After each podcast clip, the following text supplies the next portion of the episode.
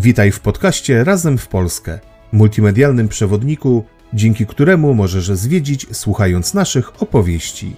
Atrakcje turystyczne, nieoczywiste miejsca, ciekawostki, legendy i zaskakujące historie. Sprawdźcie, co warto zobaczyć i jakie atrakcje odwiedzić.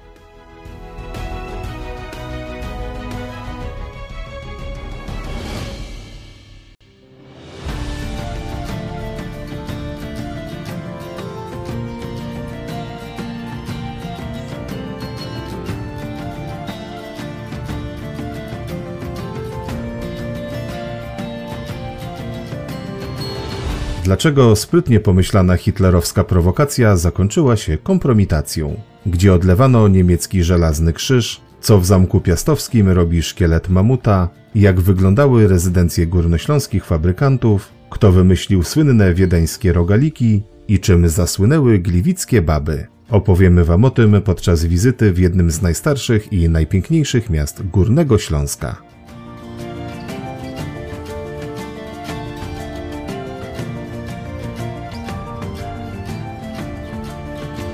Gliwice, bohaterskie baby i wiedeńskie rogaliki.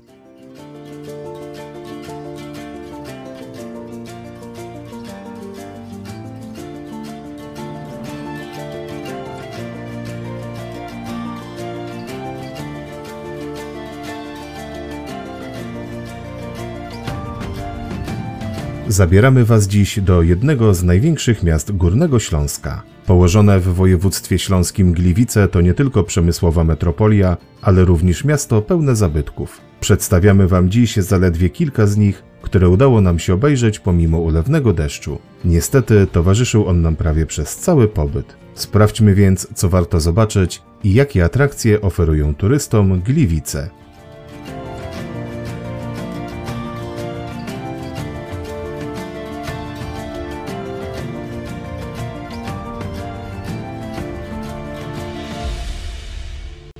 Stare Miasto.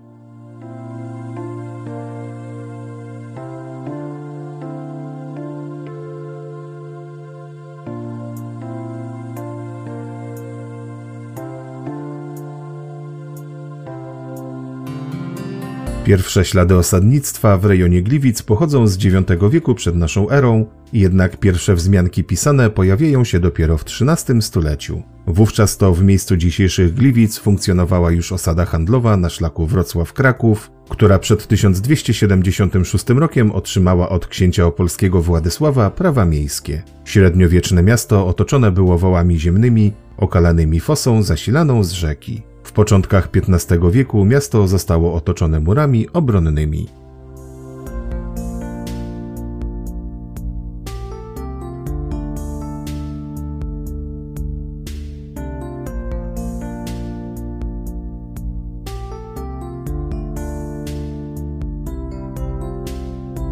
Rządy piastowskie w Gliwicach kończą się po bezpotomnej śmierci księcia Jana II Dobrego w 1532 roku. Miasto trafia w ręce Habsburgów, którzy potrzebując środków na prowadzoną wówczas wojnę z Turcją, za kwotę kilkudziesięciu tysięcy talarów wydzierżawiają Gliwice Fryderykowi von Cetrycz. Jednak już pod koniec stulecia mieszkanie wykupują je od Cetryczów za kwotę 27 tysięcy talarów, nadając Gliwicom status miasta królewskiego podległego władcy Czech.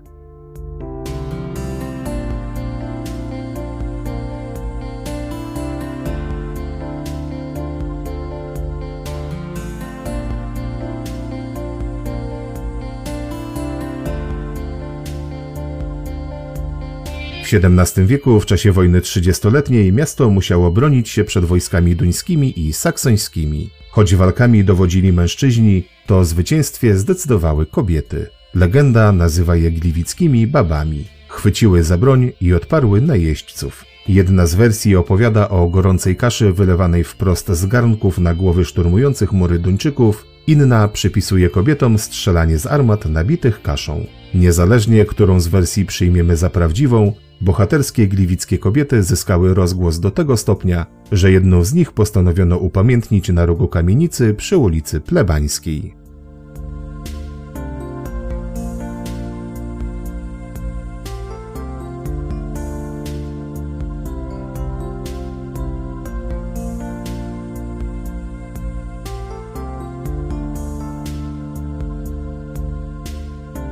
Chyba każdy słyszał kiedyś o wiedeńskich rogalikach. Okazuje się, że tak naprawdę pochodzą one z Gliwic. Podobno król Jan III Sobieski w drodze do Wiednia zatrzymał się właśnie w Gliwicach, gdzie miał okazję spróbować takich rogalików. Piekarz, który je upiekł, powiedział wtedy, że stworzył je specjalnie dla króla. Ich kształt miał nawiązywać do tureckich przeciwników, których król szybko pokona. Rogaliki upieczono dla całej armii, a piekarz został wcielony do ekipy kwatermistrzów i zabrany pod Wiedeń, żeby rogalików podczas bitwy nie zabrakło. I tak gliwickie półksiężyce stały się znanym symbolem Wiednia, słynnym w całej Europie.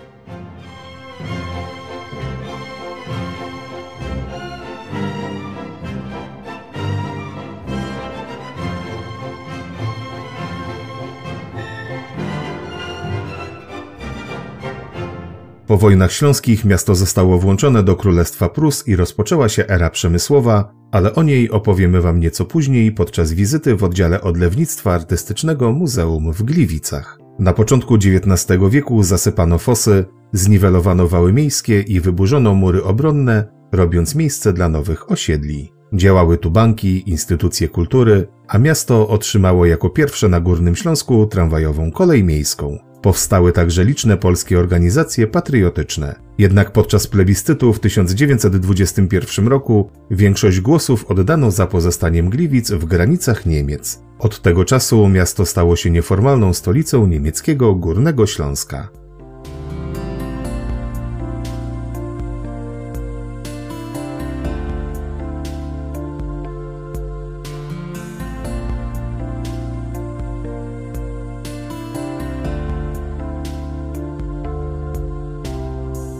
24 stycznia 1945 roku Gliwice, jako pierwsze z dużych miast niemieckiego Górnego Śląska, zostały zajęte przez Armię Czerwoną. Żołnierze sowieccy wzięli na mieszkańcach miasta krwawy odwet za niemieckie zbrodnie na wschodzie. Gwałty, rozstrzeliwania i plądrowanie trwały przez kilka pierwszych tygodni. Polska administracja pojawiła się w Gliwicach dopiero w marcu. Większość mężczyzn wywieziono do pracy w kopalniach w głębi ZSRR. W ich miejsce zaczęli przybywać Polacy z Lwowa, Kresów Wschodnich i centralnej Polski. Do końca 1946 roku wysiedlono pozostałą ludność niemiecką.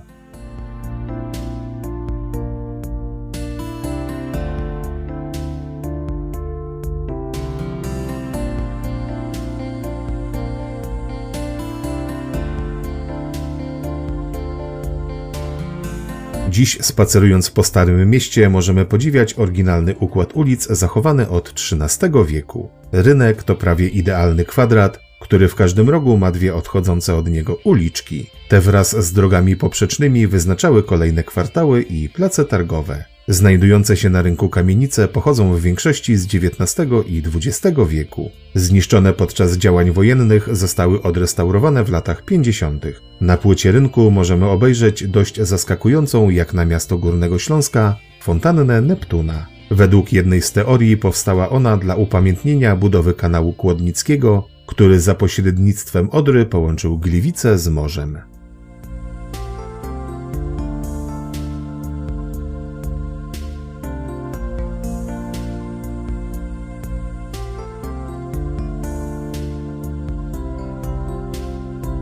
Po środku rynku możemy podziwiać ratusz powstały w XV wieku w miejscu wcześniejszego drewnianego z XIII stulecia. W kolejnych latach podlegał on licznym przebudowom i modernizacjom, jednak w większości zachował swój układ. W latach dwudziestych ubiegłego stulecia elewacjom nadano zachowany do dziś neoklasycystyczny wygląd. Na ścianie poniżej wieży znajduje się historyczny herb Gliwic, nadany miastu przez cesarza Ferdynanda II w 1629 roku. Nawiązuje on do cudownego ocalenia miasta przed wojskami protestanckimi przez Najświętszą Marię Pannę.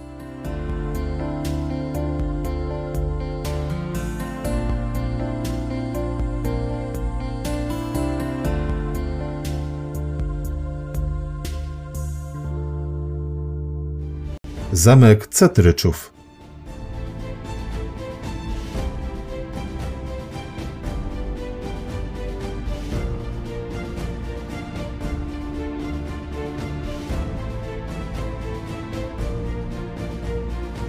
Jednym z najstarszych obiektów w Gliwicach jest dwór Cetryczów, nazywany także od lat 80. XX wieku Zamkiem Piastowskim. Ta druga nazwa związana jest z księciem Siemowitem, który osiadł w Gliwicach po śmierci ojca Kazimierza i podziale księstwa bytomskiego. W XIV wieku obwarował on miasto i wzniósł wieżę mieszkalną. To prawdopodobnie ona stała się zaczątkiem przyszłego zamku, a Siemowit zaczął tytułować się księciem gliwickim. Po jego śmierci miasto zostało ponownie włączone do księstwa bytomskiego. Podczas wojen husyckich w XV wieku zamek niszczą wojska księcia oleśnickiego Konrada VII Białego.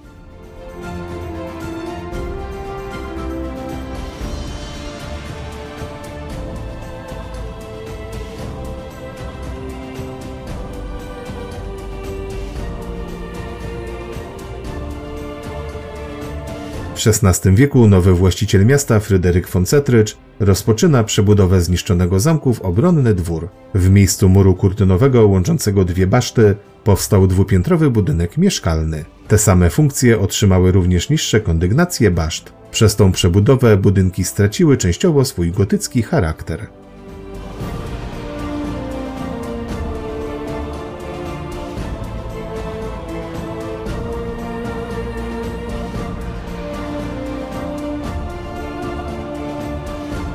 Po przejęciu miasta przez mieszczan zamek przestał pełnić rolę siedziby rodowej. Początkowo był arsenałem miejskim, później magazynem, folwarkiem, a nawet więzieniem. Przez kolejne stulecia zamek był jeszcze kilkukrotnie przebudowywany. W połowie XIX wieku rozebrano jedną z baszt, zastępując ją ceglanym budynkiem. Po II wojnie światowej utworzono w nim oddział muzeum w Gliwicach, w którym swoją siedzibę mają działy archeologii i historii miasta.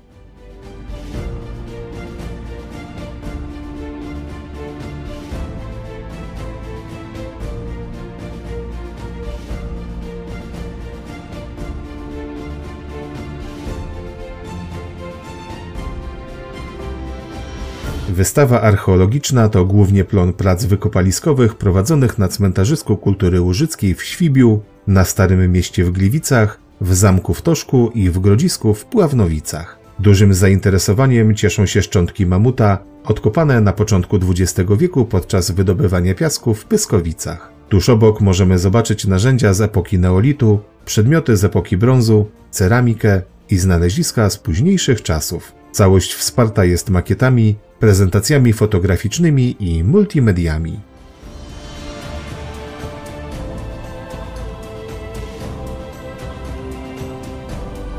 Na wystawie historycznej znajdują się pamiątki pozostałe po cechach gliwickich, przedmioty związane z powstaniami śląskimi, plebiscytem czy działalnością Związku Polaków w Niemczech a także bogata kolekcja fotografii. Ciekawy jest także zbiór militariów pochodzących z różnych krajów. W części etnograficznej znajdziemy się w śląskiej kuchni i izbie z typowym dla tego regionu wystrojem tych pomieszczeń, charakterystycznych dla domów wiejskich i miejskich pierwszej połowy XX wieku.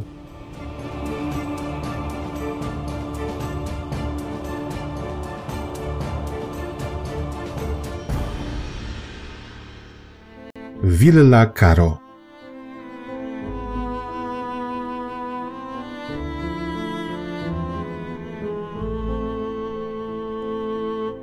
Wraz z rozwojem przemysłu na Górnym Śląsku pojawili się bogaci inwestorzy. Jednym z nich był 30-letni Oskar Karo. Pochodził on z bogatej żydowskiej rodziny z Wrocławia, która skierowała go do Gliwic w celu nadzoru nad hutą Hermina w Łabędach. Niedługo po przyjeździe ożenił się z córką właściciela firmy budowlanej Florą Lubowski. Młoda para w prezencie ślubnym otrzymała okazałą rezydencję, którą nazwano Willą Karo.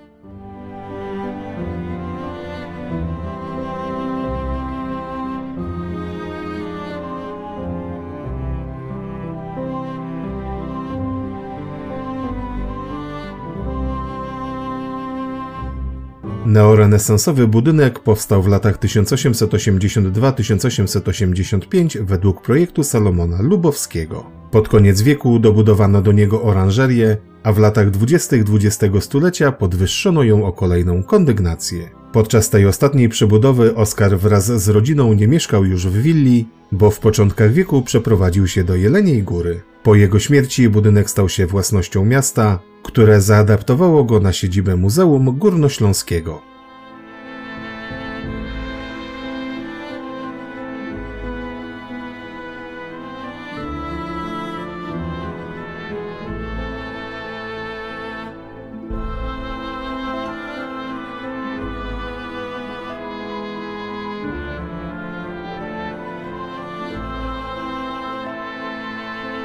Ile z zewnątrz willa nie prezentuje się jakoś specjalnie okazale, to prawdziwe skarby skrywa jej wnętrze. Wrażenie robi już reprezentacyjny hol, z którego można dostać się do jadalni, dużego i małego salonu czy gabinetu. Na piętrze ulokowano prywatne apartamenty właścicieli. Zachwycają modrzewiowe boazerie, schody, stropy, sztukaterie, żyrandole i meble. Co jest charakterystyczne dla eklektycznych rezydencji w XIX wieku, mamy tu cały przegląd stylów od neorenesansu przez neobarok po empir i Biedermeier. Większość wnętrz i przedmiotów zachowała się bez uszczerbku od czasu powstania willi.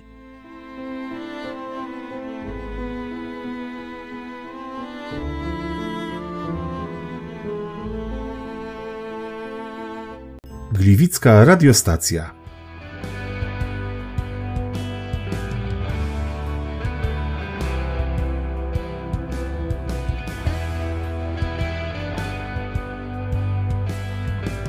W okresie międzywojennym w położonych przy granicy z Polską Gliwicach wybudowano radiostację, która wykorzystywana była do nadawania m.in. audycji propagandowych na teren polskiego Śląska. Ta mierząca 111 metrów konstrukcja do dziś uważana jest za najwyższą budowlę skonstruowaną w całości z drewna w Europie. W przeddzień wybuchu II wojny światowej na terenie radiostacji miała miejsce jedna z kilku niemieckich operacji dywersyjnych, które miały posłużyć niemieckiej propagandzie. Cała operacja, pomimo że całkiem nieźle pomyślana, okazała się pasmem pomyłek.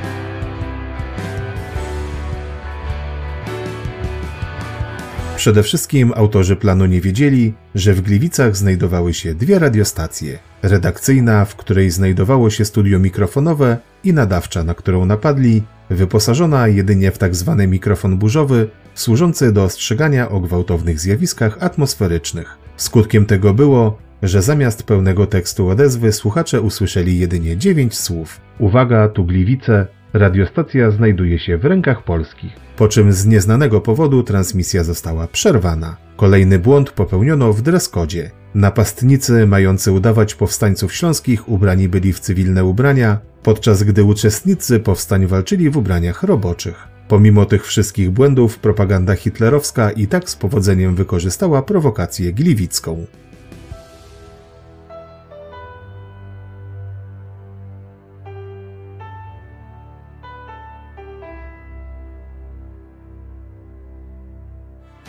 Oddział Odlewnictwa Artystycznego Muzeum w Gliwicach.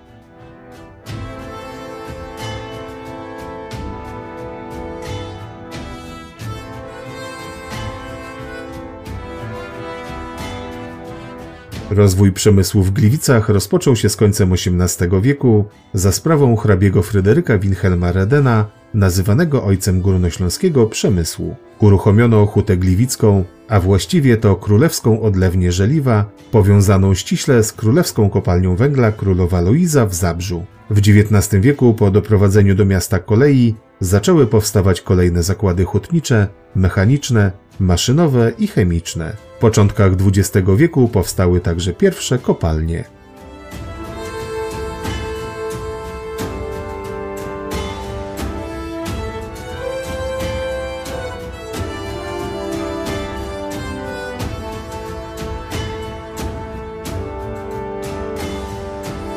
Królewska odlewnia żeliwa była drugą najstarszą w całych Prusach, a w XIX wieku jednym z najnowocześniejszych i renomowanych zakładów znanych w całej Europie. Obok monumentalnych dzieł jak rzeźby czy pomniki, wytwarzała odlewy dekoracyjne, świeczniki, kałamarze, krzyże nagrobne, a także miniatury pomników. Królewska Odlewnia Żeliwa była pierwszym zakładem, któremu zlecono wykonanie najwyższego niemieckiego odznaczenia wojskowego Żelaznego Krzyża.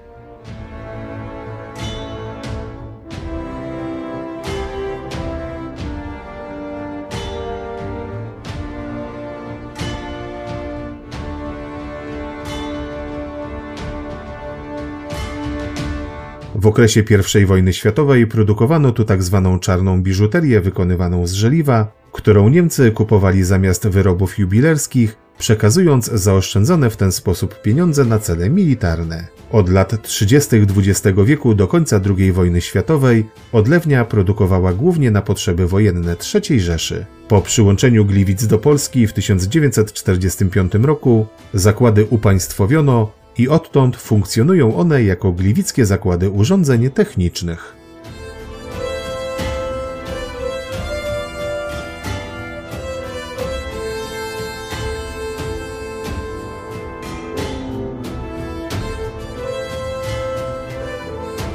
Na wystawie możemy poznać historię odlewnictwa artystycznego w Gliwicach. Z odlewnią związani byli nie tylko świetni fachowcy, ale także utalentowani rzeźbiarze jak August Kiss czy Theodor Kalajt. Można tu obejrzeć rzadkie zabytki z bogatej kolekcji żeliwa artystycznego, pochodzące z XIX i XX wieku. Całość opatrzona jest komentarzami i archiwalnymi zdjęciami.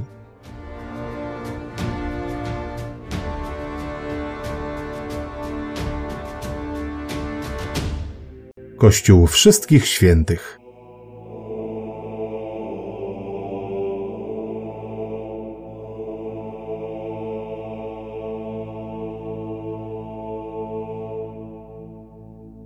Kościół Wszystkich Świętych jest jednym z najstarszych i najcenniejszych zabytków Gliwic. Parafia powstała około roku 1250 i początkowo prawdopodobnie mieściła się w drewnianym kościele. Nie ma co do tego pewności, ponieważ podczas ostatnich badań odkryto relikty obiektu murowanego. Obecny późnogotycki gmach świątyni powstał na przełomie XV i XVI wieku. Przez kolejne dwa stulecia kościół strawiły dwa wielkie pożary i ze względu na pośpiech i niewielkie fundusze nie udało się przywrócić świątyni pierwotnego wyglądu. Gruntowny remont przeprowadzono dopiero w latach 1929-1942.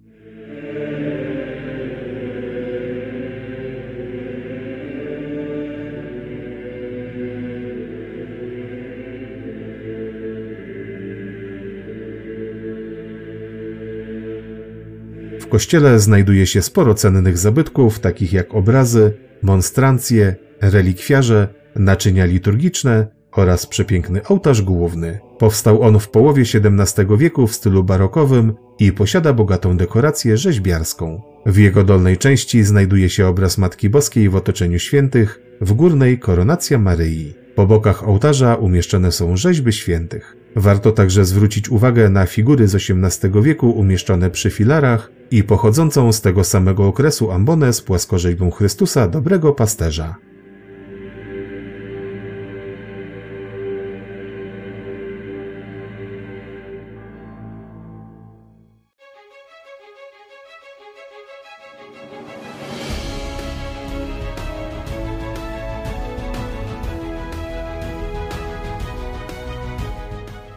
To już koniec naszej dzisiejszej opowieści. Przypominamy, że wszystkie atrakcje, o których tu dziś słyszeliście, możecie obejrzeć na naszym kanale Razem w Polskę na YouTube oraz przeczytać o nich w serwisie wypoczywamywpolsce.pl. Zapraszamy na kolejne nasze podcasty.